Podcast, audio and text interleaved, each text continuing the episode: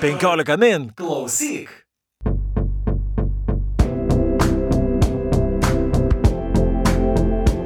Sveiki gyvi, su jumis sveikinasi laida perskaitimai ir kaip visuomet prie mikrofonų šį kartą esame mes Šaudris Ožalas ir Juratė Češkutė. Labadiena. Sveiki visi. Ir kartu su mumis šiandien yra vertėja Augustė Čiabilytė Matulevičianė. Sveiki. E, šiandien laida bus kiek neįprasta, nes e, vietoj to, kad pakalbėtume apie vieną kūrinį, mes šiandien apkriepsime iš karto tris knygas. Ir e, šios tris knygos šiek tiek siejasi ir tematiškai, tačiau pirmiausia, kas jie sieja, kad tai yra visi trys apsakymų rinkiniai. Ir šiandien kalbėsime apie Samantos Šveblin knygą Pilna burna paukščių. Būtent šios knygos vertėja yra su mumis studijoje. Taip pat pakalbėsime apie Liusijos Berlin knygą Namų tvarkytojos vadovas. Na ir dar viena knyga yra Lauren Groff ir jos kūrinys Florida. E, šios knygos, visą, apie šitas pastarąsias dvi knygas pakalbėsime kiek vėliau. Na, o pradėsime šiandien nuo Samanto Šveblin, e, autorės iš Argentinos, kuri dabar šiuo metu gyvena Berlyne ir jos knygos Pilna burna paukščių. Ir daugiau apie šią knygą pakalbės su mumis Augustė Čiabylytė Matulevičinė. Ir Galbūt, Juratė, man atrodo, esi tu paruošusi pirmąjį klausimą. Taip, aš esu paruošusi pirmą klausimą. Gal dar tik padarysiu įžangą, kad iš tikrųjų Samantha Šveblin turėtų būti žinoma jau lietuvių skaitytojams, nes jos debutinis romanas Prieraišumo laisvė pasirodė 2000. 18 man regis metais ir iš ispanų kalbos vertė Laura Liubinavičiūtė Ir štai yra jos apsakymai, čia gal mes audriau truputėlį vėliau pasiginčysim dėl to termino, nes man kažkaip maloniau sakyti novelės negu apsakymai.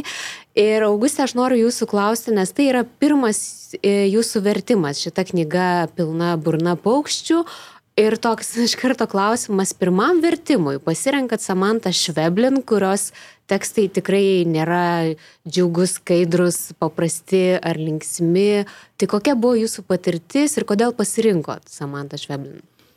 Tai aišku, gal ne visai tikslu yra sakyti, kad aš pasirinkau, e, nes Mano šiaip santykis su Samantha Šveblin prasidėjo tai nuo pirmosios jos knygos, kuri pasirodė lietuvių kalba, tai prieraišumo laisvė, nes e, tai buvo tarsi e, mano universitete, universitetinės praktikos užduotis ta knyga. Tiesiog e, aš žinojau, kad jinai yra verčiama ir kad jinai bus išleista, bet irgi turėjau atlikti bandomąjį tos knygos vertimą.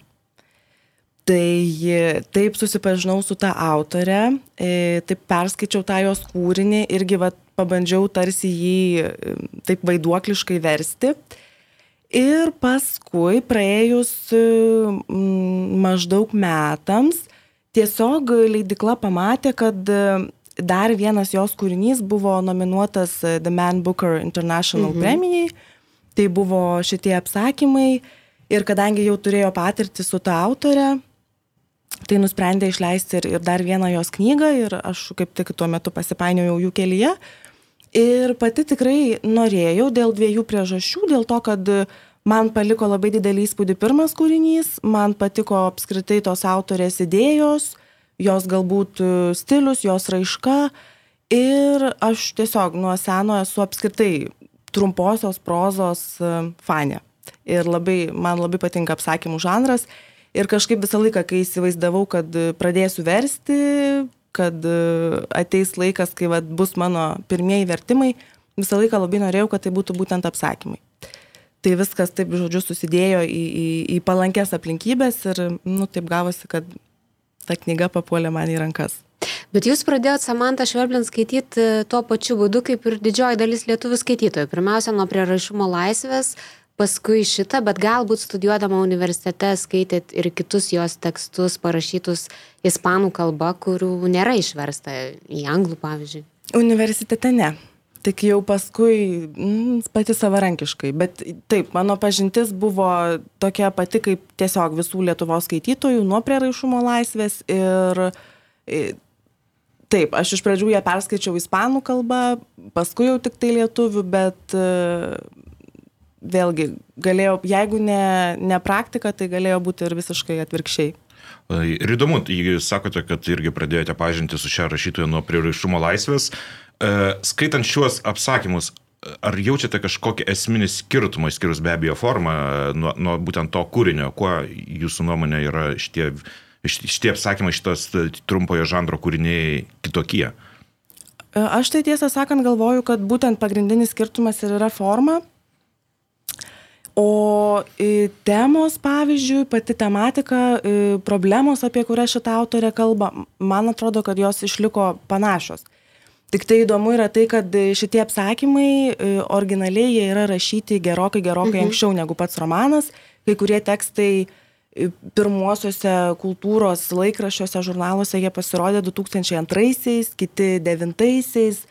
2018 metais e, pati autorė, jinai dar kartą juos perskaitė, kai kuriuos iš naujo paredagavo, pataisė, bet e, nebuvo kažkokių didelių pokyčių, jinai pati atrinko tiesiog tuos kūrinius, kurie jai pačiai buvo artimiausi, patiko labiausiai, bet tai man atrodo ir yra ženklas, kad tos pačios temos jai išlieka aktualios ir nepaisant to, kad jinai paskui išleido uh, romaną, dar vieną romaną, tokios didesnės apimties kūrinius, jinai vis tiek grįžo prie tų apsakymų ir vis tiek pasiliko prie, prie tų pačių temų, tarsi galvodama, kad e, prieraišumo laisvė e, visuomeniai gal nepadėjo dar iki galo apmastyti visų joje kylančių problemų ir jai dar kartą reikia į savo skaitytojus kreiptis pakartojant savo tuos apsakymus. Sakote, kad jai būdingos temos. Kokios tos temos?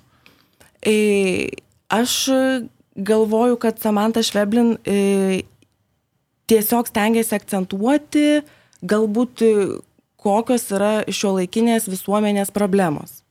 Tai jai yra aktualus ekologijos klausimas, jinai tiek prieraišumo laisvėje apie tai kalba, tiek jinai apie tai kalba savo asmeninėme gyvenime, visokiose interviu. E, jinai paliečia depresijos temas, šio laikinio meno temas, bet toks vis tiek vienas ryškiausių motyvų tai tikriausiai yra motinystė, moteriškumas, tėvų santykiai su vaikais, motinos santykiai su savo vaiku.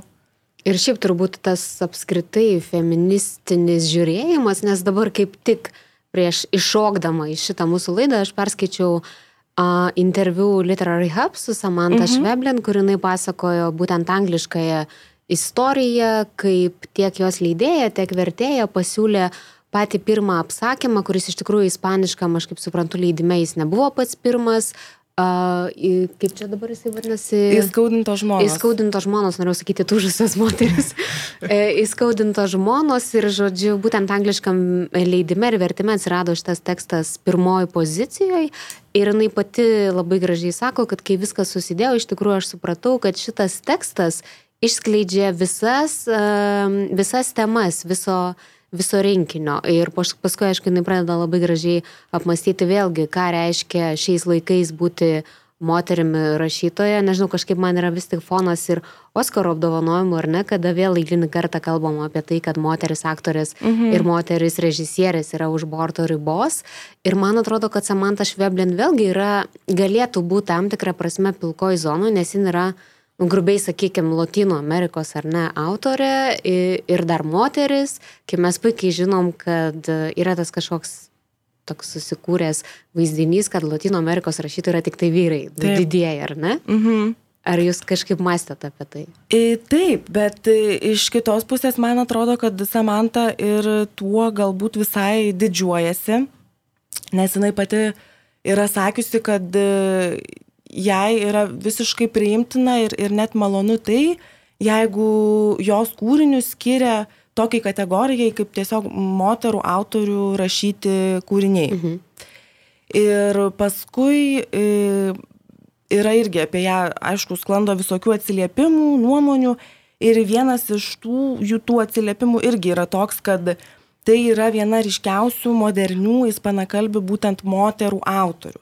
Ir kadangi aš apie Samantą apskritai galvoju kaip apie truputį maištaujančią autorę, tai um, man atrodo, kad galbūt tai irgi yra toksai savotiškas priešinimasis, vad būtent tai Latino Amerikos tradicijai, vizijai, kad uh, prieš akis, pavyzdžiui, na, stovi, tarkim, Borgesas ir, ir, ir nieko Markesas daugiau. Dar. Arba mhm. Markesas, taip. taip Ir to paties Borgeso kūriniuose, m, jeigu taip atkreipus dėmesį, praktiškai nėra moterų veikėjų.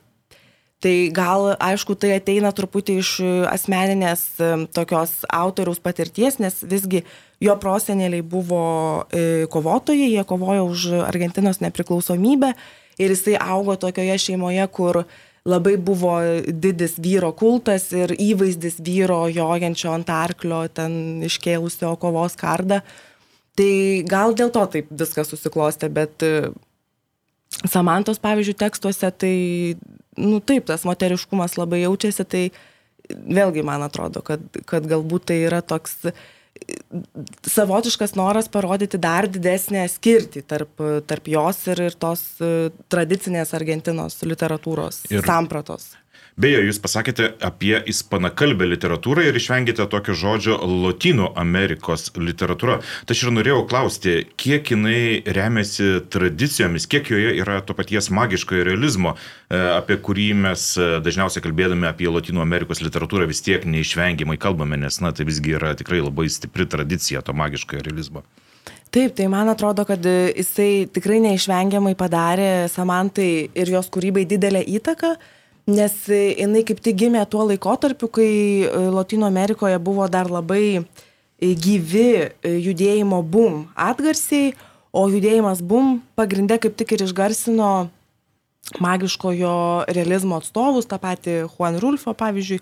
Ir jinai, tai buvo pirmieji autoriai, kuriuos jinai perskaitė jau būdama sąmoninga skaitytoja. Tai kažką iš jų, aišku, jinai e, pasijėmė.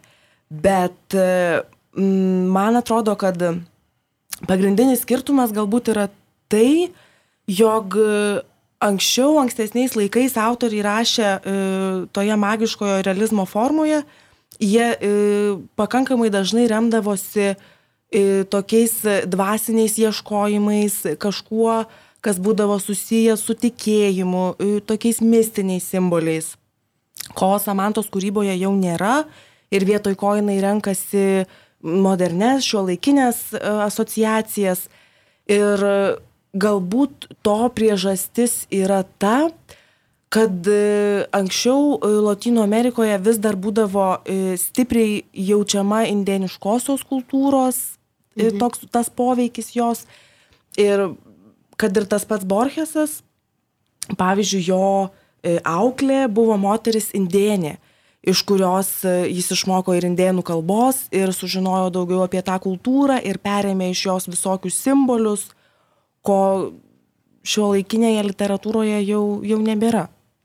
Ir šiaip turbūt būtų įdomu, bent jau man toks vienas įdomesnių klausimų galvojant apie Samantą Šveplin, tai yra kaip ji perkeičia tą magišką realizmą, kuris buvo būdingas uh, tik tai vyrams ir čia mes aišku galim kalbėti ir apie moteriškumo uh, visą tradiciją. Kitas įdomus dalykas, ar mes galėtume kažkaip uh, pažiūrėti iš ideologinės pusės, nes tarkim, aš dabar kažkaip prisiminiau uh, tarkim ir rašytojus sovietinėj Lietuvoje, kur daug kas skaitė magišką realizmą, nes Markeso šimtas metų vienatvės, pavyzdžiui, buvo išverstas 72 ir ten įkvėpė tiek Saulį Tomą Kondrotą, tiek Richardą Gavelį ir tai buvo na, kažkoks, kažkokia erdvė, kur buvo galima pabėgti nuo tų visų politinių a, dalykų. Kaip manot, ar Samantha Šveblin nuo kažkokios dabarties pabėga, ar ji kaip tik tą dabartį įkuria savo tekstuose, tik tai visai kitokiam formom?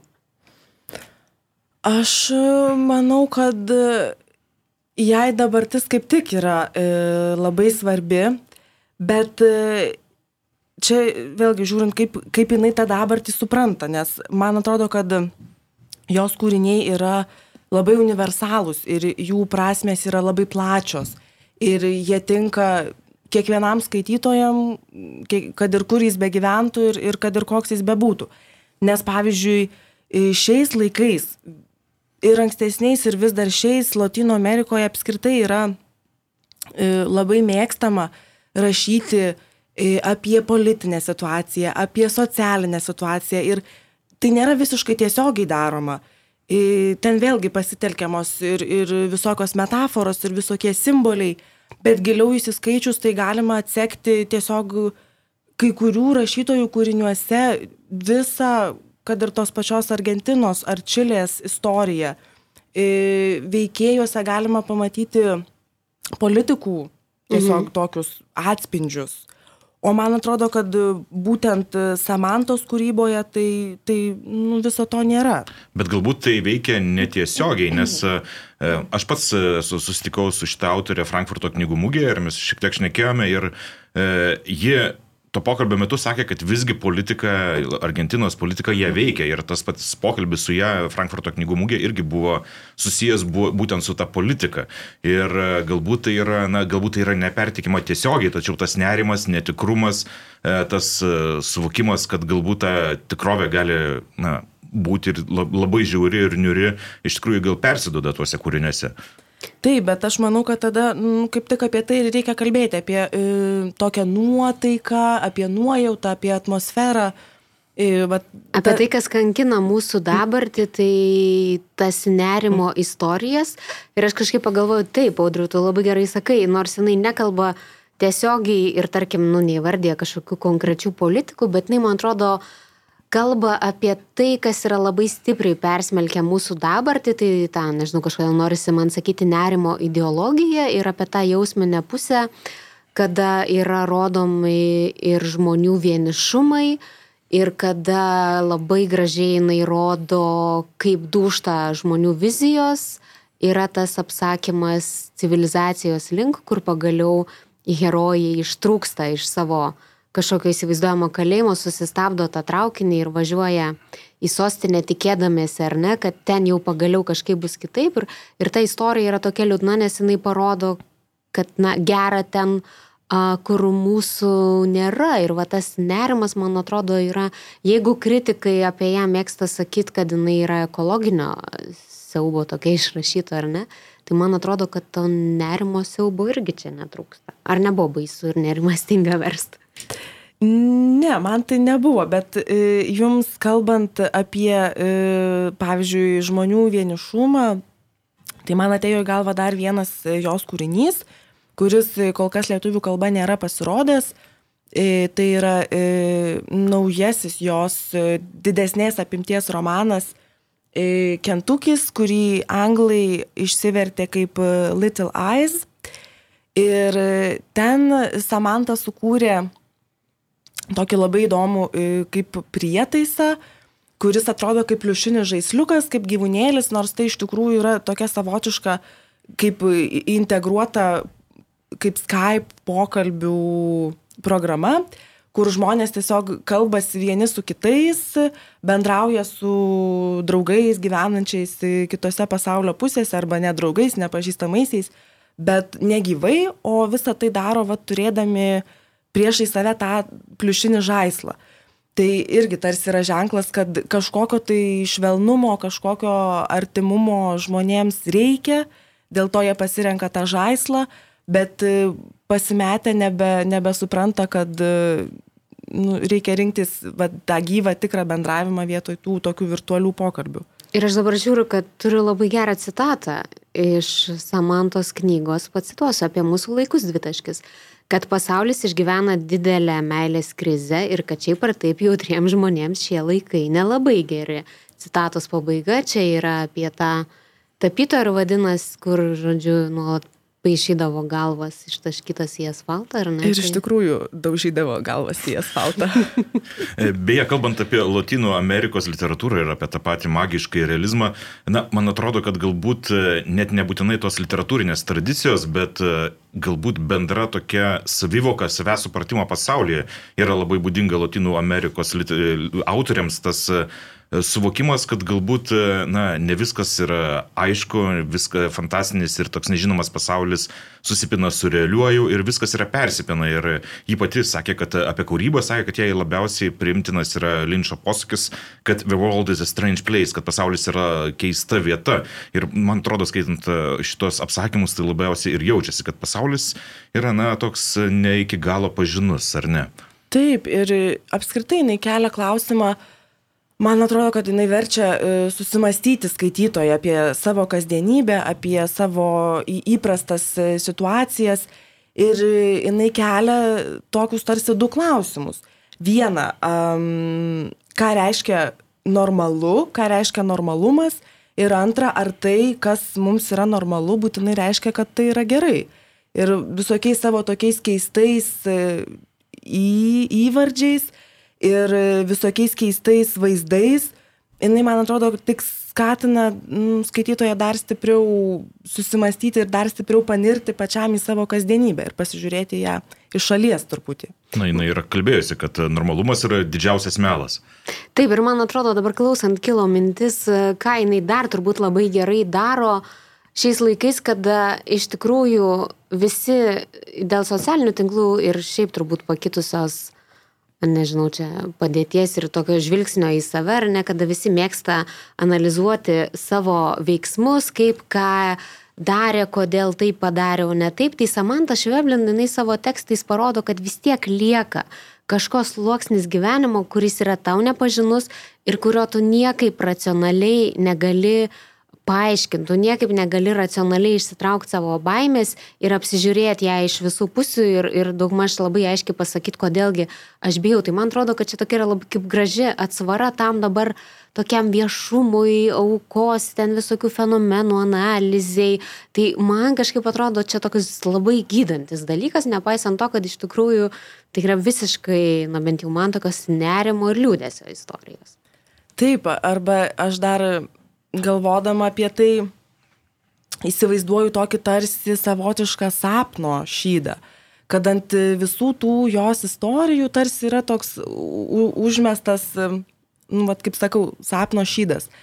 Tai vėlgi, man atrodo, kad tai galbūt yra dar vienas dalykas, kurį Samantha pasiskolino iš, iš magiškojo realizmo ir ypatingai jisai buvo jaučiamas galbūt prieraišumo laisvėje, kur ten apskritai, kurį skaitydamas tą knygą, kurį laiką iš vis negali suprasti, ar ta moteris sapnuoja, ar tai yra jos prisiminimai, ar tai vyksta iš tikrųjų.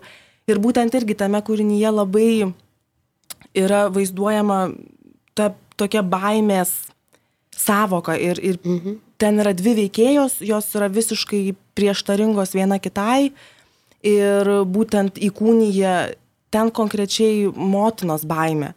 Ir viena knygos pusė, viena mama tarsi dėl savo vaiko bijo labiau negu kita, o jau antroje pusėje tai apsiverčia. Ir tada Samanta tarsi kelia tokį klausimą kiekvienam skaitytojui pačiam pasirinkti, nu, vat, kokioj vietoj būtų buvęs jis. Kitas yra įdomus dalykas, kad jinai iš tikrųjų svarsto ir kažkokias socialinės problemas ir mūsų įprastus uh, kažkokius sociumo primestus mąstymo konstruktus, e, kažkokius šablonus ir jinai juos verčia absoliučiai taigia metafora.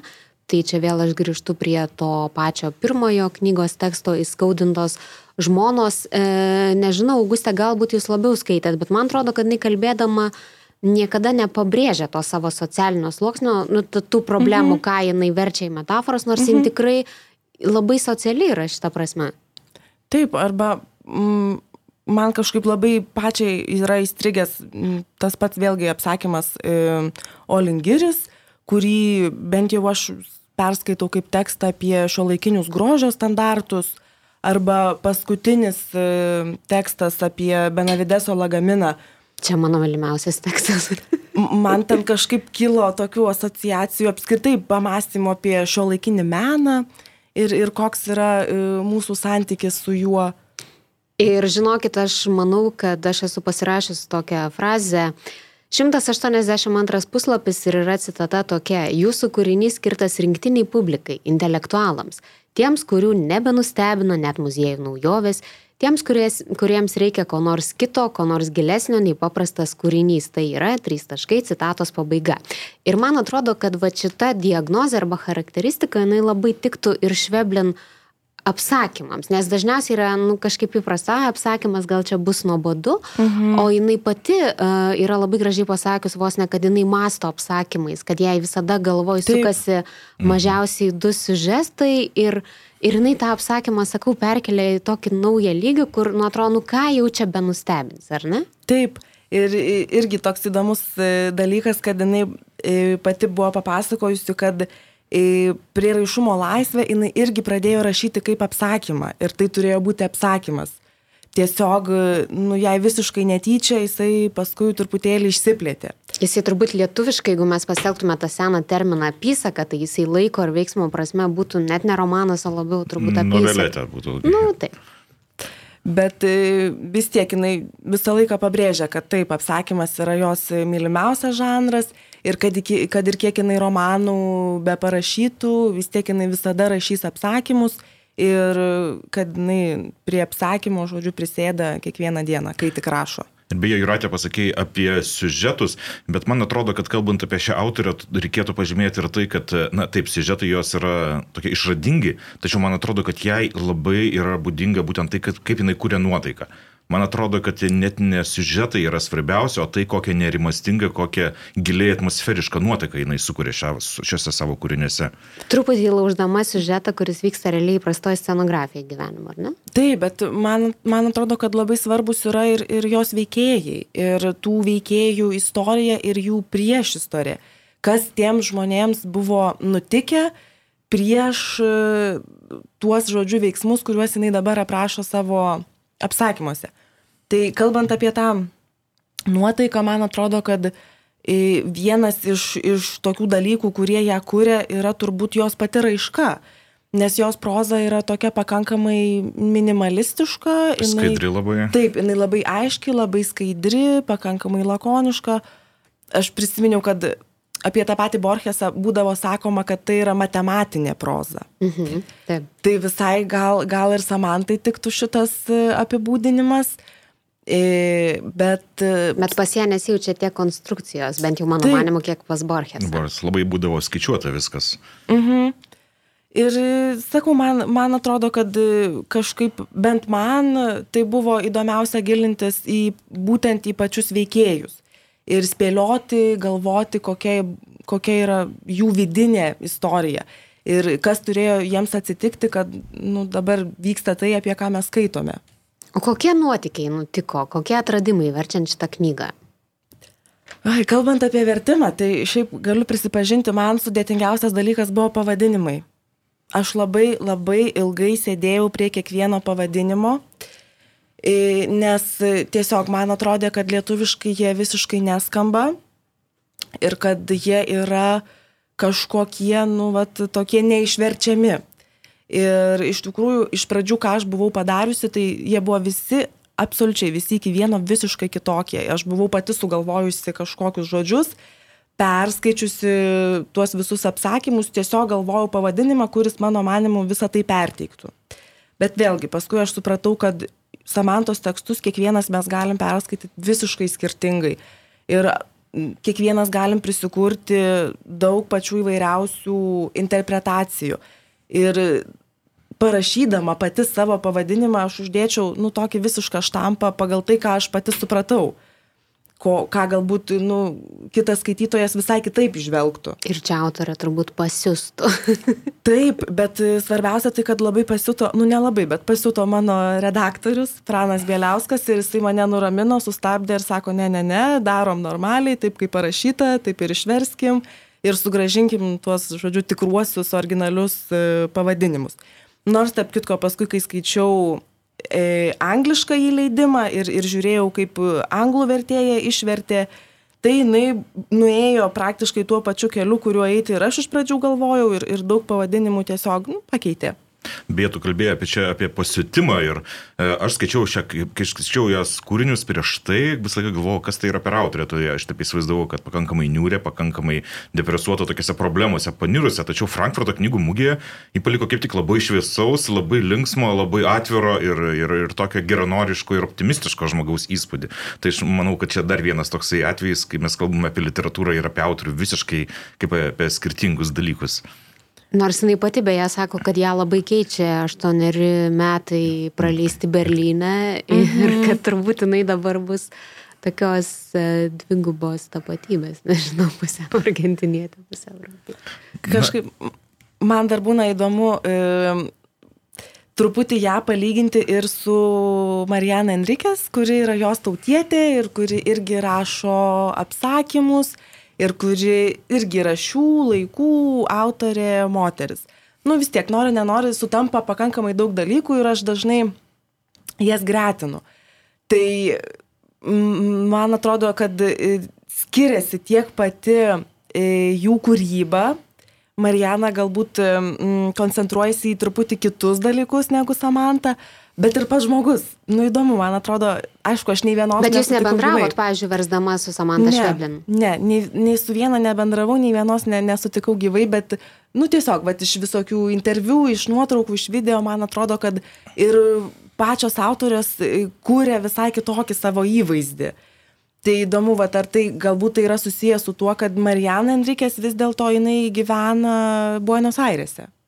Na taip, ir Šveblin irgi yra minėjusi, kad e, kai dabar gyvena Berlyne, jinai jaučiasi kur kas saugiau ir ar- Buenos Airių atsimena tuos laikus, kai labai nesaugu ir baisu grįžti vienai, tai ta šioks toks nerimas vis tiek užpildo labiau gyvenant Buenos Airėse. Ir beje, kalbant apie Enrikės, irgi yra išleista jos viena knyga lietuvių kalba, tai ko netekome ugnyje ir Taip. man irgi labai panaši iš tikrųjų tematika, nors galbūt Enrikės ten grįžčiau paliečia tą pačią diktatūrą, skurdą, narkotikus, ta prasme, tas socialinės problemas jinai pa- paliečia, man atrodo, akivaizdžiau negu. Šveblin. Taip, ir e, apskritai toje knygoje Marijana tarsi e, perpasakoja tokią Argentinos istoriją. Ir kai minėjau, vat, e, kad Latino Amerikoje yra autorių, kurie e, užslėpdami visokiais mhm. simboliais pasakoja savo šalies istoriją, tai Marijana, aš manau, kad yra viena iš jų. Nes ten įsiskaičius, tai labai, nu, praktiškai vos nepamečiui galima atsekti tokias svarbes revoliucijas, svarbius įvykius nutikusius Argentinos visuomenėje. Ko, ko nu, kit, pavyzdžiui, Vatsamantos tekstuose, taip, kaip, kaip sakėm, tai nėra taip akivaizdu. O ar jūs dar norėtumėt ką nors versti Samantha Šveblin? Mm, Taip, aš, aš norėčiau, bet vis tiek man yra labai įdomu irgi pasižiūrėti, kaip, kaip Lietuvos skaitytojai ją priims, kaip, kaip priims jos kūrinius. Ir čia svarbiausias klausimas yra tai, ar jie norėtų dar, dar, dar labiau ją pažinti. O jūs skaitėte tą naujausią kentukį. Taip. Jis pasikeitus yra nuo šitų tekstų, kuriuos mes žinom lietuviškai. E, Tiesą sakant, taip, man ten jau jinai atrodo truputį kitokia. Gal va tas kažkaip mane ir, ir, ir stabdo ir aš taip e, visom keturiom dar neskalambiju, kad mums būtinai reikia šitos knygos, nes aš kol kas vis dar esu labai susigyvenusi su Samanta tokia, kokia jinai yra prieraišumo laisvėje ir kokia jinai yra šituose savo apsakymuose. O tas naujausias jos romanas, jisai jau yra truputį kitoks, ten vyrauja e, vien, tokia viena pagrindinė tema, e, tas universalumo visas burbulas, jisai jau yra truputį susitraukęs ir jos raiška tai yra e, likusi tokia pati, bet tarsi man, man kyla toks įspūdis, kad jinai vat, e, savo apsakymuose prieraišumo laisvė jinai kalba apie daugiau tokių temų, paliečia daugiau temų, kviečia susimastyti apie daugiau dalykų, o dabar jau tarsi išsirinkusi savo svarbiausia, jau pradeda koncentruotis į, į, į vieną. Sapno lieka? E, bijau ką sakyti. Man, man atrodo, kad, kad jo yra Vis mažiau, Vis ne? mažiau, taip. Na, bet kuriuo atveju, bent jau aš tikiuosi, kad e, šios knygos vertimas irgi pasirodys lietuvių kalba, na, o kol kas turime dvi jos knygas išverstas ir e, tie, kurie dar neskaita, tikrai labai rekomenduoju e, perskaityti jas. Na ir pas mus studijoje šiandien viešėjo Augustė Čiabilytė Motulevičinė, išvertusi vieną iš šios autorės knygų Pilna burna paukščių. Dėkui. Ačiū Jums. Taigi pakalbėjome apie Samantą Šveblin ir jos knygą ir dabar, man atrodo, labai iš tų dviejų likusių knygų būtų labai neblogas perėjimas prie Lauren Groff knygos Florida, kurią į lietuvių kalbą vertė Gabrielė Gailiūtė Bernotinė. Na, iš tikrųjų, autorės skiriasi ir jų pasakojimo būdai skiriasi, tačiau paliečiamos temos jūratė, man atrodo, yra pakankamai panašios, bent jau kalbant apie klimato kaitą, ar ne? E, Ir ne tik apie klimato kaitą, taip, tai kas turbūt panašiausia, tai aišku, gamta, gyvūnai, jų laukiniškumas, e, neprijaukinimas, bet lygia greta, žinai, aš skaitydama apie Lauren Groff, aš atradau New Yorkerį tokį terminą psichogeografija, kada jinai e, šioje knygoje rašo ir apie konkrečiai apie vieną valstiją, apie Floridą ar ne, ir jos augmenyje, tą kuplę žalią gamtą, gyvačių, visus įmanomus sluoksnius, aligatorius. Bet jinai lygia greta ir rašo apie žmogaus vidinį gyvenimą, kuris kažkaip keistai sutampa su ta gamta, kurioje būna. Ir man atrodo, kad panašus dalykas yra ir šveblin. Ta scenografija, kurioje vyksta kažkokie keisti dalykai, jinai atspindi vidinius herojų gyvenimus, jų pokyčius. Ir aišku, nu, šiaip bendriausias jungiantis dalykas, kad tai yra a, moteris rašytojos ir nežinau, kiek tau, vat, va, labai įdomu kaip vyrui, kiek tu pastebėjai, nes man tai buvo akivaizdu, kad jos yra taip tiksliai išrašysios intuiciją. Mhm. Nežinau, ar apie, pagavai. Apie, apie, apie šitą aš negalvojau, iš tikrųjų, ir dabar tai tokia visai nauja mintis apie intuiciją, nes e, bent jau man, kaip tik jos kas, kas labiau siejo ne intuicija galbūt, o būtent tas metaforiškas e, pasaulio užkodavimas turbūt. Nes e, tu kalbėjai apie tai, kad ten susilieja gamta, vaizdiniai, visa kita, bet man atrodo, kad visa, visa ta gamta, jinai pertikė kaip ir šveblintą nesaugumo pasaulyje jausmą. Nes uh, Lauren Groff knygoje labai jaučiasi irgi tas, kalb, tas dalykas, apie kurį mes kalbėjome, kalbant ir apie pirmąją knygą, tas nerimas. Ir nes- ekologinis siaubas. Nerimas, ekologinis siaugas, siaubas, nesaugumas, visa tai irgi yra Lauren Groff tokios vizitinė kortelė šitos knygos, ar ne? E, taip, ir man kažkaip, kas buvo gražu turbūt e, abiejose šitose knygose, kad vis tik šitie dalykai, apie kuriuos dabar mes galim perskaityti nuo ryto iki vakaro bet kuriam portale, ar ne, kad jie yra iš tikrųjų perkelti į literatūrą, mm, ką vad gražiai Augustė sakė apie Švelbin, kad jin truputėlį turi tokį sapno šydą.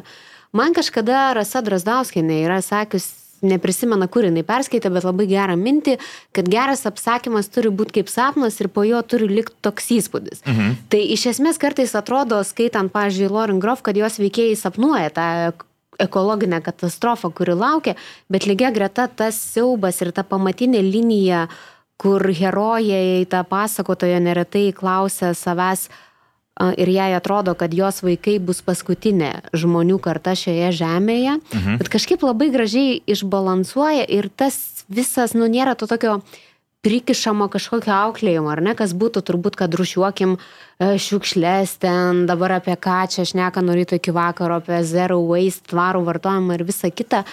Šitie dalykai jie išnyksta ir lie- lieka turbūt tai, kas ir turėtų būti literatūroje, kada yra grožiniai a, formoj per metaforą pateikiamas įspėjimas apie pasaulį, koks jis yra ir koks jis gali būti. Ir man labai apie Grof, nežinau, ar aš esu teisi ar ne, bet man vienas stipriausių jos tekstų yra paskutinis knygos apsakymas į poras, kur herojė yra tyrinėtoja e, gydimo pasano kūrybos ir jin su vaikais važiuoja į Prancūziją. Ir man iš esmės atrodo, kad jeigu Mopasanas buvo XIX amžiaus realizmo toks kaip emblema to naturalizmo literatūroje, kurie iš esmės buvo, jie visi buvo pervargę nuo romantizmo ir tiesiog grįžo prie to tokio įprasto kalbėjimo apie gyvenimą ir rodymo daiktų tokie, kokie jo, jie yra. Tai Mopasanas dar mėgo rodyti tą pesimistinį sluoksnį, kas iš tikrųjų yra blogai.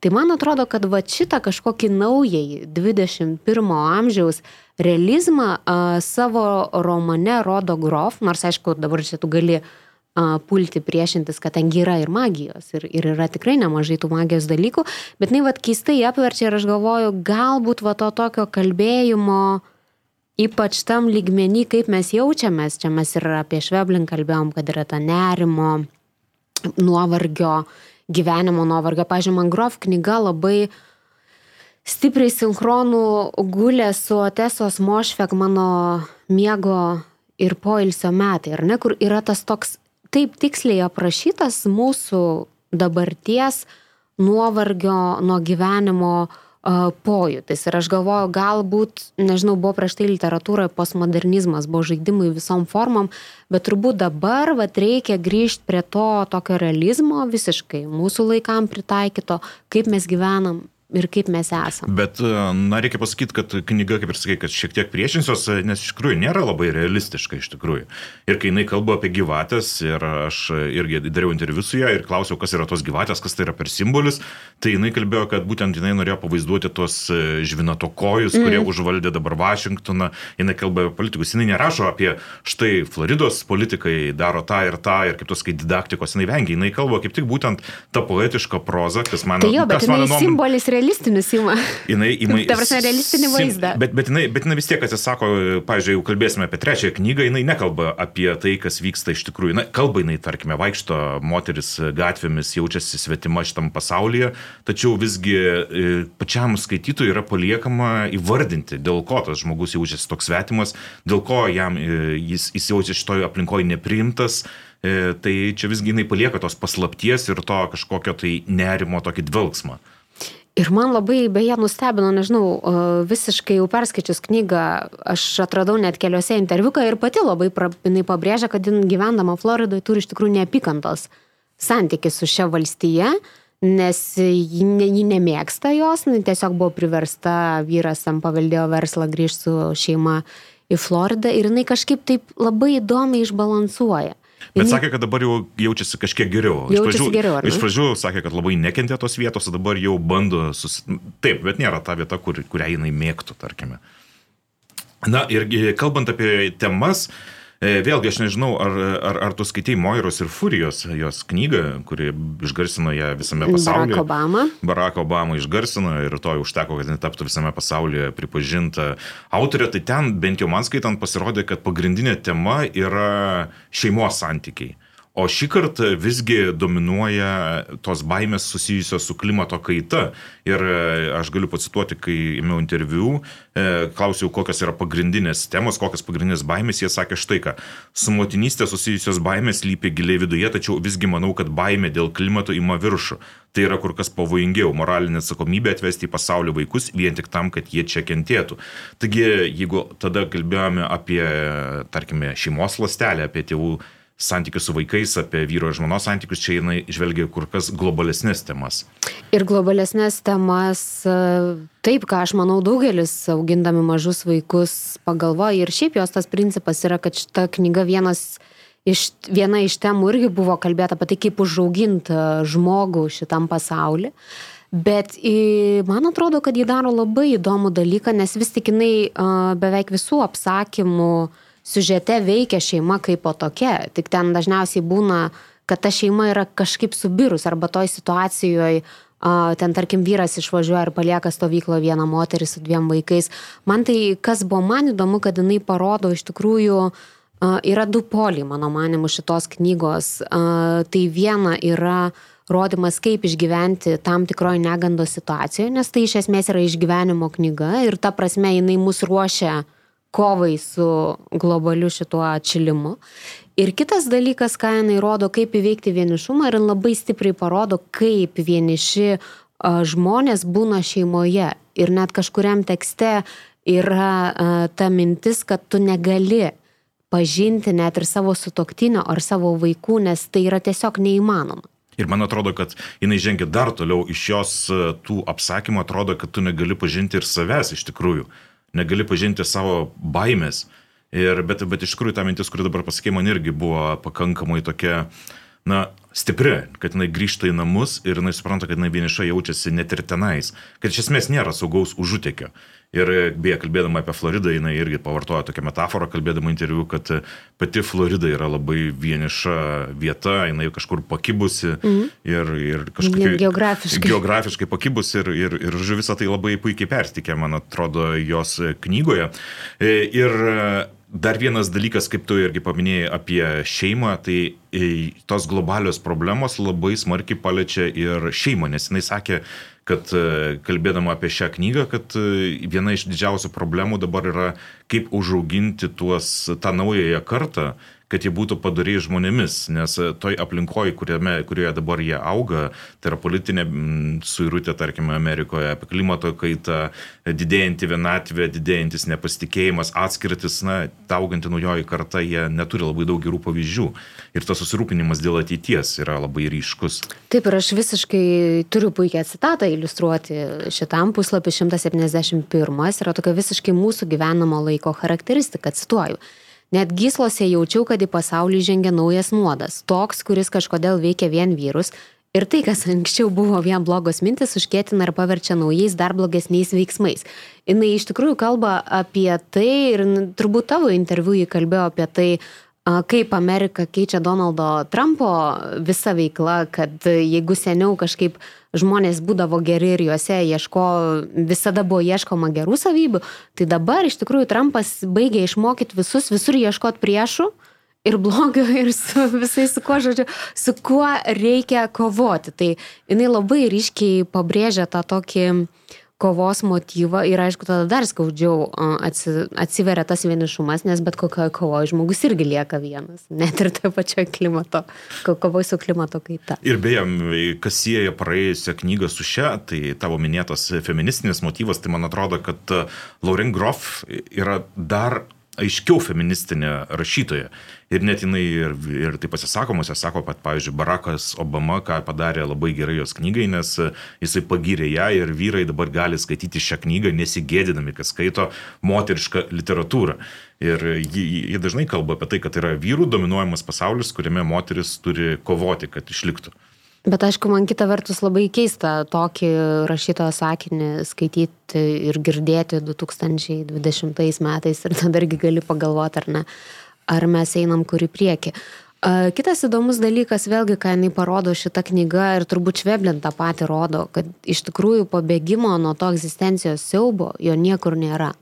Ir pačiam paskutiniam tam tekste įporas, jį taip subtiliai uh, kalba apie tą egzistencijos siaubą, kurį, aišku, ką patiria heroja, galima suprasti ir banaliai, kad tai yra gal kažkoks ir nerimo ar panikos priepolis, ką ji patiria būdama su vaikais tose mažose prancūzijos miesteliuose, bet iš tikrųjų, kad nu, tu niekur, niekur negali pabėgti nuo savęs ir tas siaubas visada bėgs paskui tave, panašiai kaip ta puma, kuri yra net ir ant knygos viršelio, ar ne, kuri nuolat nuolat, nuolat sekios.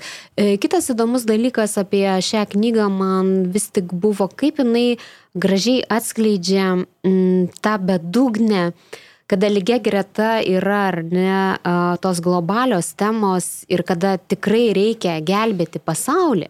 Bet lygia greta jos veikėjai užsima labai stiprią savinaiką. Ir va tas čia pat reikia gelbėti, bet čia pat tu nevalingai kažkaip naikini save su savo kažkokiamis baimėmis. Tai aš net esu pasirašęs tokią frazę savo tekste, tai ar yra bent kažkokio optimizmo? E, beje, optimizmo, kaip jinai pati sako, kad yra jos kūriniuose nemažai. Nors aš, pažiūrėjau, pats to optimizmo labai daug nejaučiu. Jis yra, bet jį labai įdomiai, čia turbūt e, būtų galima šnekėti apie e, pradžias ir pabaigas. Nes jį labai įdomiai dėlioja istoriją. Jis pradeda nuo kažkokio vieno sakinio, kuris dažniausiai žymi jau kažkokią ypatingą aplinkybę, ar tai ateina uraganas, ar tai mergaitės prabunda, dvi mažos mergaitės paliktos vienos e, saloj. Ir, e, ir po to pabaigoje jinai rodo kažkokią konkrečią situaciją, bet ją yra būdinga e, apsakymo pabaigoje vis tik mes tokį žvilgsnį į ateitį, kaip tiem herojam baigsis. Ir neretai tas žvilgsnis tarsi būna šviesus. Mm, tarsi. Tarsi. tarsi. Bet, na, bet šiaip ar taip tokios vilties labai daug kaip ir nėra. Bet mes dabar kalbame apie temas, kurias jį paliečia, kalbame apie socialinę atskirtį, galbūt apie politiką, klimato kaitą. E, tai ir iš mūsų kalbos, netgi tiems žmonėms, kurie neskaitė jos knygų, gali susidaryti įspūdis, kad jinai yra tokia labai realistiška, labai tokia, na, galbūt uh, e, dėliojanti, nepoetiškai, ne, ne, ne, ne, galbūt labai ir Ji rašo skaidriai ir lengvai ir ją labai lengva jo, skaityti. bet, e, bet aš tavo ir norėjau pasakyti, kad e, iš tikrųjų jos knyga, šita bent jau šitą apsakymų rinkinys yra kaip tik labai poetiškas. Ir ką tu galėtum pasakyti apie jos e, būtent išraiškos priemonės, nes e, man atrodo, kad jinai tokias sunkias, sudėtingas temas sugeba pateikti taip, kad skaitai tarsi kažkokį jo poetijos, po- poetišką kūrinį. Ji tiesiog visų pirma labai grakščiai rašo sakinį, mano manimu. Ir tas kažkaip sakinių jungtis dėliojasi į tokį netikėtą, netikėtą vaizdinį. Kažkur į, jinai ištraukia metaforą ten, kur tu jos galbūt visiškai, e, visiškai nesitikėsi. Ir, ir tada labai vėlgi įdomu, kad pakankamai gerais ir stru- struktūriškai sudėliotame tekste atsiranda tie visi dalykai, kad, pavyzdžiui, jos visi herojai veikia be kažkokios krypties. Nu, jie tarsi tiesiog plaukia tam tokiam flow ir jau kaip bus, tai bus. Ypač tas apsakymas, kur moteris uraganą pasitinka name, tiesiog žiūrėdama, kaip pro šalį viską neša. Tai va tas yra, yra keista, nors jeigu taip tiesiog mes turbūt išnarstytum, išnarstytume jos apsakymą struktūriškai, tai jis būtų labai griežtai sukaltas. Ir čia tiesiog man matosi sukalimas labiau negu pasamanta šveblin. Ir beje, jeigu jau pradėjom kalbėti apie optimizmą, galbūt tariamą arba iš tikrųjų esantį, tai galima pereiti ir prie trečiosios knygos, kuri, mano nuomonė, iš čia šiandien apžvelgimų trijų knygų yra tikrai optimistiškiausia. Ir bent jau, kad šviesiausia, tai čia šimtų procentų. E, tai yra Liusijos Berlin knyga Namų tvarkytojos vadovas, į lietuvių kalbą vertė šią knygą Eglė Naujokaitytė. Na, Deja, vertėjos negalėjom pasikviesti į studiją, nes ji yra kitoje Atlanto pusėje, taigi tikrai negalėjo atvykti. Tačiau, kadangi jos neturime, galiu bent jau pacituoti, ką pati vertėja sakė apie šią knygą. Ji be menkiausių skrupulų aprašinėja nelaimingų žmonių gyvenimus, kur negandos tapusios tokia kasdienybė, jog visi su jomis seniausiai susitaikė. Berlin nesibodėdama vaizduoja kančią ir vargą, degradaciją, vulgarumą, bjaurumą ir kokie visgi meili ir jautrus yra tie, kurie nepritampa ir lieka atsvara daugumai. Visą tai daroma su gera doze humoro ir be jokio tempimo žemyn. Traukimi kasdienybės stebuklai, o susitikimams su nepažįstamaisiais viešuose skalbimo punktuose suteikiamas romantinis tonas. Taip apie šią knygą sakė patvirtėja Eglė Naujokaitytė. Na, galbūt pradžioje iš tikrųjų reikėtų pakalbėti apie pačią autorę, nes tai yra fenomenas, ar ne? Rašytoja, kuri per visą savo gyvenimą parašė knygos, knygas, kurios jai būnant gyvai taip ir neišgarsėjo. Ir tik tai po jos mirties Po 11 metų po jos mirties. Jo, ir žmonės tik tada atrado, kad štai kokia autorė iš tikrųjų mes turėjome ir mes jos nevertiname, mes jos neskaitėme. Ir dabar ji tikrai yra netgi bestsellerių sąrašuose, žmonės ją labai myli, labai vertina, nagrinėja, ką jinai yra parašiusi. E, toks, sakyčiau, net nelabai aš prisimenu, kas dar pastaruoju metu, ypač turint omenyje šio laikinę PR industriją knygose, knygų pasaulyje, galėtų tai būti. Kita vertus, aš galvoju, vėlgi, mes negalėjom žinoti, kaip būtų buvę tais laikais, jo lab, kad autorė vis tiek buvo publikuojama. Ir galbūt tiesiog turėjo ateiti šitie laikai, kuriuose mes gyvenam, kad Liusija Berlin sugrotų. Aš dar tik noriu pasakyti vieną dalyką, kas mano supratimu jungia visas tris autorės. Tai jeigu Samantha Šveblin ir Laurin Grof kalba apie mažų žmogelių, mažus gyvenimus didžiosios gamtos akivaizdoje, tai Liusija Berlin rodo mažų žmogelių gyvenimus didžiojo gyvenimo akivaizdoje. Pas ją tikrai tos gamtos nėra ir kita vertus skirtumas yra, kad Šveblin ir Grof turbūt vis tiek laikosi tos ideologinės krypties, ar ne, kalbėti apie kažkokias problemas, su kuriomis mes gyvenam. Tai išskirtinis Liusijos Berlin principas yra, mm, kad jinai rašo apie gyvenimą tokį, koks jis yra. Jinai iš esmės didžiausias sluoksnis jos tekstų yra jos pačios autobiografija. Ir e, jos visi herojai kažkaip pakartoja jos gyvenimo ir geografinės vietas, ir kažkokias datas, ir kažkokias savybės. Tai uh, vėlgi labai įdomu, kad kažkokiam interviu Lauringrov sakė, kad uh, Florida ir labai autobiografiška, ir labai neautobiografiška knyga. Tai vad, Liusijos Berlin tas autobiografiškumas absoliučiai uh, laimi prieš kitas dvi šiandienos uh, knygas. Ir kitas dalykas, ką jinai turi, tai kažkas manęs paklausė, sako, ar galėtum vat vieną frazę pasakyti apie ką yra šita Liusijos Berlin knyga. Ir aš pasakiau, kad tai yra tobuli gyvenimo polaroidai. Jis geba padaryti tokią momentinę nuotrauką, kuri iš tikrųjų, kaip ir būna su tais aparatais, ar ne, nuo, ją reikia palaikyti, kad neišriškėtų. Ir iš tikrųjų, pažiūrėjau, man kaip skaitytojai tas efektas ateina po kurio laiko. Ir aš kažkaip pasiemiau tą knygą skaityti, galvodama, ai, nu čia tie apsakymai, nes tikrai buvo labai seniai skaičius tokius apsakymus, kurie nu visiškai mane ištrauktų iš kasdienybės. Tai vad Liusijos Berlin buvo, nu aš negalėjau patikėti. Aš negalėjau patikėti, kad tai kaip čia iki tiek yra gerai, Taip. kad aš vad štai metu viską ir aš dabar iš vis baigiu turbūt užkimti visiems aplinkui pasakodama apie šitą knygą ir kaip Liusija Berlin uh, moka tiksliai, gražiai, skaidriai ir absoliučiai nepatosiškai parašyti va taip, kaip gyvenime yra. Ir iš tikrųjų, ką tu pasakėjai apie realybę, ir jeigu praėjusios dvi autorės stengiasi užmesti tam tikrą šydą, tas savo realybę nuvesti į kažkokį sapno pasaulį, tai Liusija Berlin kaip tik stengiasi padaryti viską, net jeigu tai buvo, net jeigu tai iš tikrųjų ne, neįvyko, jis stengiasi padaryti taip, kad skaitytojui atrodytų, kad tai iš tikrųjų įvyko, autofikšionas, kad e, permėsi tą tokią autofikšiono jauseną. Na ir e, viename iš apsakymų, kuris irgi paminėtas šios knygos įžangoje, yra sakoma, dažnai perlenkiu lasdą ir neretai maišau fantaziją su tikrove, bet niekada, niekada nemeluoju. Tas jos tikroviškumo poreikis yra labai stiprus. E, šiuose apsakymuose ir dar vienoje vietoje skaičiau Paris Review, man atrodo, kad apie jos apsakymus buvo pasakyta, kad jos yra transformacijos, o ne iškraipimas tiesos. Viskas atrodo taip, kad tarsi iš tikrųjų įvyko ir galbūt jinai kažkiek pakeičia, galbūt sukuria kažkokią mitą iš savo to paties gyvenimo, tačiau visgi viskas yra labai, atrodo tikra, labai išjausta ir visos tos emocijos atrodo, kad tu gali su jomis labai gerai susitapatinti. E, taip, ir aš dabar pacituosiu iš vieno, vėlgi, tai, ką tu citavai, yra jau vėlgi kaip tam tikra jos kūrybinė formulė, kaip jinai rašė, bet kita formulė yra tokia, cituoju, viliuosi, kad aprašydama susipinusių smulkmenų gyjas padėsiu įsijausti į tą moterį taip, kad neliks nieko kito, kaip išgyventi tai, kai išgyvena ji. Ir vis tik turbūt man būtų, man įdomiausia yra žiūrėti, kaip jinai veikia toje pačioje mažiausioje lasteliai sakiniai, Ir Paris Review kritikai irgi sakė apie tai, kad jinai yra fragmento meistrė. Taip.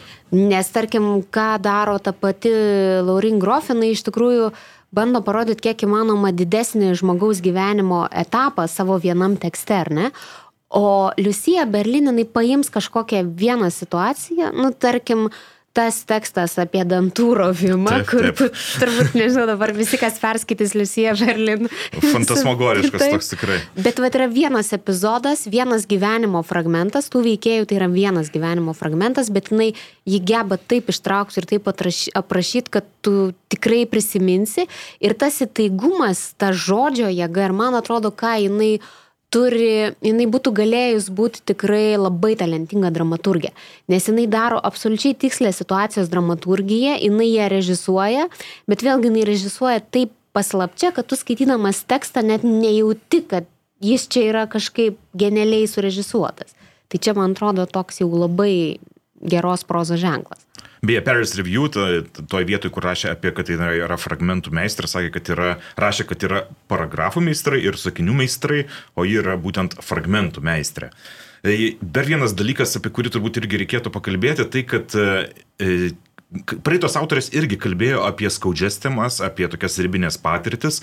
E, Liusija Berlin irgi kalba apie tai, kalba apie savižudybės, apie alkoholizmą, apie abortus, apie depresiją. Žodžiu, kalba irgi apie tikrai skaudžias patirtis, tačiau skaitant vis tiek išlieka kažkoks, bent jau man toks švelnumo ir šviesos įspūdis, kad e, ji rašo apie tai, sakyčiau, su tokia meilė e, tam žmogui.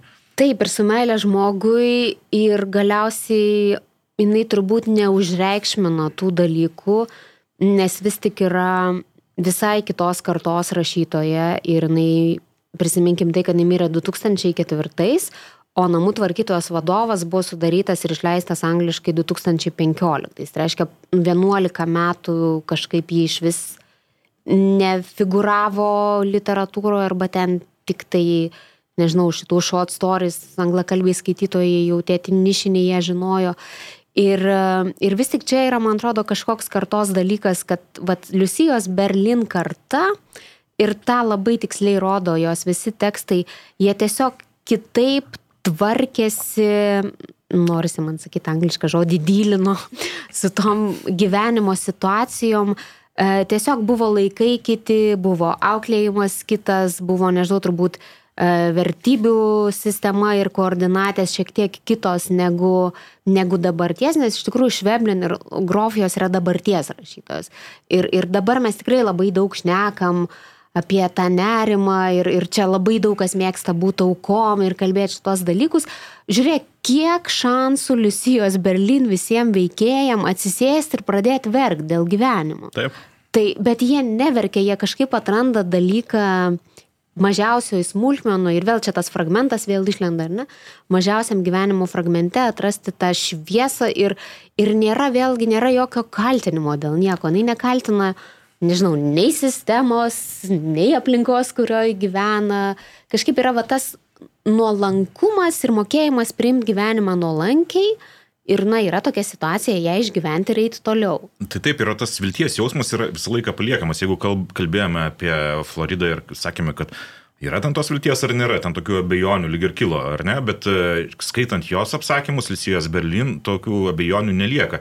Ir nėra to, sakyčiau, postapokaliptinio jausmo, kuris yra, nepalieka tavęs, kai skaitai Šveblin arba, ar, ar, arba Floridą, nes atrodo, kad e, čia viskas vyksta e, Galbūt ir nepasiseka žmogui, galbūt jisai nusvedžiamas į kažkokias ribinės situacijas, tačiau jis atsikelia ir, ir eina toliau. Ir e, lygiai taip kaip ta pati moteris, kuri pakliūna gydytis dėl nuo alkoholizmo, tačiau jinai ten sutinka gerų žmonių, jinai pabaigia tą gydimo kursą ir grįžta į darbą ir galbūt niekas net nesužinoja, gyvena toliau. Tai toks jausmas, kad iš tikrųjų mes visi paslystame, mes visi griūname, tačiau atsitėsime ir einame. Ir man tas iš tikrųjų jos tas šviesos jausmas per kartu sumaišytas su liūdėsiu iš tikrųjų labai paliko didžiulį įspūdį. Taip, ir aš pagalvojau, kad čia šitą knygą galima gal net kaip vaistus dalinti, jeigu, kul, sako, kultūra gydo ar ne, tai čia šitą knygą, man atrodo, tikrai būtų kaip gera piliulė. To tokio būtent situacijos nėra nuglaistytos, jos nėra, nėra saldžios, jos yra labai tikroviškos, bet tiesiog va, tas nuolankumas ir parodimas, kaip neužsistresuoti, neužreikšmint, o tiesiog, nežinau, man vat kažkaip, galvojant apie šitą knygą, atsiranda tokias pakainaus buvimo emocija, kad tiesiog jinai vat moko, kaip taikyti su gyvenimu. Ir ta tokia šviesa, man atrodo, čia Facebook'e ir Jeva Toleikytė, ir mūsų lietuvių novelistė Jurga Tumasonytė kalbėjo apie tai, kad, na, Liusija Berlin kuria tokius tekstus, kad atrodo visi herojai gali būti tavo draugais, vat, kažkokie šalia, kad tu su jais susišnekėsi, rasi kažkokius bendrus dalykus. Aišku, tas pavadinimas, čia kažkas jau girdėjau juokaujant, sako, kad čia yra kaip manualas ar ne kaip valyti namus. Beje, labai stiprus apsakymas namų tvarkytojos vadovas yra šitame renginyje. Ir dar vienas dalykas, apie kurį mes šiek tiek užsiminėme, tačiau galbūt reikėtų ir daugiau kalbėti, tačiau turbūt laiko šiandien per daug ir neturim tą, kad e, iš tikrųjų nugyveno labai spalvingą gyvenimą, dirbo pačius įvairiausius darbus, blaškėsi iš vienos valstybės į kitą, pažino ir ir skurdą pažino, po to ir pripažinimą kažkokį gavo akademinį darbą. E, ir visa tai atsispindi jos romanos. Ir neretai ji yra lyginama su Čarlzu Bukovskiu. Ir man atrodo, kad iš dalies dėl to, kad jisai Čarlzas Bukovskis irgi taip su meilė rašo apie tą paprastą žmogų ir rašo apie tą patį dugną, apie tas ribinės patirtis. Tačiau kartu ir dėl to, kad Čarlzas Bukovskis irgi jo apsakymai, jo romanai irgi atrodo, kad neatsiejami tapo nuo jo paties gyvenimo. Kiek jie iš tikrųjų buvo tokie, na čia klausimas, nes teko skaityti ir kai kuriuos atsiliepimų apie tai, kad, na, Čarlzas Bukovskis iš tikrųjų negėrė tiek daug ir kad kaip tik agentas pasakoja, visą laiką būdavo blaivas, kai atneždavo kūrinius.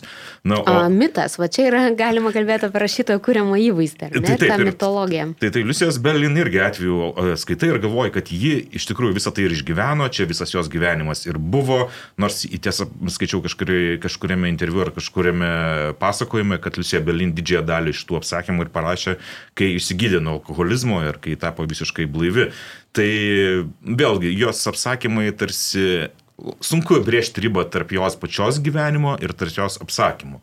Ir yra labai įdomi, nes aš dabar pradėjau skaityti uh, jos, jinai buvo pradėjusi rašyti savo autobiografiją, jos nepabaigė ir jos vaikai, mes nepaminėjom dar šalia tų kelionių ir gyvenim, asmeninio gyvenimo faktų, kad buvo trys santokos ir, ir keturi vaikai. Uh, Ir, ir ta knyga, ta nepabaigta jos autobiografija yra išleista ir knyga vadinasi Welcome Home. Ir toje knygoje yra labai daug nuotraukų iš jos gyvenimo. Čia turbūt dar dera pasakyti, kad Liusija Berlin vis tik buvo fantastiško, mano supratimu, grožio moteris. Ir labai keista, aš pradėjau skaityti tą knygą ir toks jausmas, kad aš tai skaityčiau kažkokią naują naują sluoksnį būtent namų tvarkytojos vadovo. Tarsi taip keistai persidengia, kad atrodo, tarsi tęsia jos, ar ne, grožinės, grožinius tekstus, e, jos tas autobiografinis pasakojimas, tai čia turbūt yra kaip mano bandymas pasakyti skaitytojams, tiems, kuriems labai patiko Liusijos Berlin namų tvarkytojos vadovas, kad e, kol kas dar lietuviškai nėra šitos knygos, bet kas skaitot angliškai tikrai galit nusipirkti ir perskaityti jos tą nepabaigtą, bet bandymą rašyti savo, savo gyvenimą, auto, grinai vad bio, autobiografiniu tekstu. Welcome home, tai, tai taip, bet šiaip, žinai, aš dar pagalvoju, jeigu taip atsitrauktume ir pažiūrėtume visas tris knygas, aš jas skaičiau vieną paskui kitą. Ir man jos sugulė į tokį keistą keliasluoksnį pasakojimą, nes iš tikrųjų jos tarsi visos turi viduj savo, viduj daug atskirų istorijų, bet iš esmės, tarkim, Samantha Šveblin knygą galima skaityti nuosekliai kaip vieną ir tą patį pasakojimą apie tas pačias kažkokias problemas ir temas. Uh, Laurin Grof dar labiau tas pats ir Lucija Berlin iš vis, man atrodo, tai yra vienas ir tas pats gyvenimas, kuris eina per skirtingus herojus, kurie galėtų būti ir, nežinau, autorius, autorės vidiniai gyventojai. Ir vat viskas taip klojasi, kad atrodo, mm, viskas galbūt tas pats, bet ir kažkiek skirtinga, kažkiek panašu, kažkiek nepanašu. Žinoma, toks keistas darinys, kuris kažkaip dar konkuliuoja ir aš net nesugebu iki galo jo įvardinti, bet... Toks tarsi iš fragmentų sudarytas vienumos jausmas. Man irgi toksai buvo jausmas ir kita vertus, tai galbūt atliepia ir šiuolaikinio žmogaus būklę. Ir sociologai kalba, kad mes tam mūsų gyvenimai tampa vis labiau fragmentiški. Ir vis... vieniši, pakankamai vieniši, ar ne? Ir apie tai kalbama irgi visose šiose trijose knygose. Na ir man atrodo, jau šį kartą gal ir galime baigti tą pasakojimą apie tos pokalbis apie apsakymus. Ir aš tik tai galiu pasidžiaugti tuo, kad e, dažnai yra kalbama, kad e, trumpojo žanro kūriniai yra sulaukia mažesnės auditorijos, mažiau skaitytojų ir kad e, daugiausia skaitytojų vis labiau mėgsta skaityti romanus, tačiau šitie trys apsakymų rinkiniai, jų išleisti ir daugiau parodo, kad iš tikrųjų yra labai labai geros, stiprios literatūros šiam, šiam, šioje formoje. Ir aš labai tikiuosi, kad bus išleisti ir dar daugiau.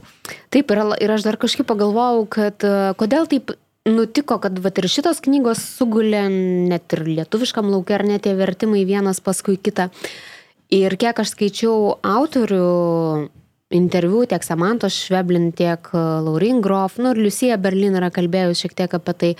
Man atrodo, kad su laiku, kai, vat, kaip tu minėjai, kad mūsų tie gyvenimai fragmentuojasi, byra, iš esmės turbūt e, apsakymas kaip niekad išgyvens kažkokį žanro atgimimą. Čia net galim ir lietuvių literatūrą pažiūrėti, žiūrėk, metų knygos penketukė, net trys tekstai Taip. yra apsakymų, ar ne? Ir, a, beje, vieno dalyko nepasakiau prie Samanto Šveblin, e, labai asociacija buvo, kada kalbėjo apie vandenį, galvoju, o geras, įdomu, ar Jurga Tumasonytė skaitė šitą tekstą, išleidus knygą Undinės. Tai ką noriu pasakyti, kad turbūt apsakymas bus tas žanras ir ideali forma kažkokiu uh, smūginiu žvilgsniu pakomentuot tam tikrą mūsų laikų fragmentą, kažkokią aktualiją, kažkokią nuotaiką, nes yra koncentracija visai kita negu romane ir gal dėl to tie tekstai taip ir veikia, kad jie, nu, tiesiog tave kaip koks, nežinau, espreso šotas, visiškai žvalinančiai, būdinančiai kažkaip suveikia. Ir beje, Londono knygų mugėje buvo kalbėta, kad labai populiarėja ir poezija galbūt poezija duoda kažkokią atramą šiems nerimastingiems laikams, bet kita vertus vėlgi irgi buvo kalbėta, kad trumposios formos išgyvena tikrai didelį pakilimą. Nes niekas nebeturi laiko ilgom formom. Na ir turbūt tiek šį kartą mūsų podcast'o laidoje perskaitimai ir mm, su jumis, kaip visuomet, buvome aš Audris Ošalas. Ir aš Juratė Čerškutė. Gerų skaitinių. Viso gero.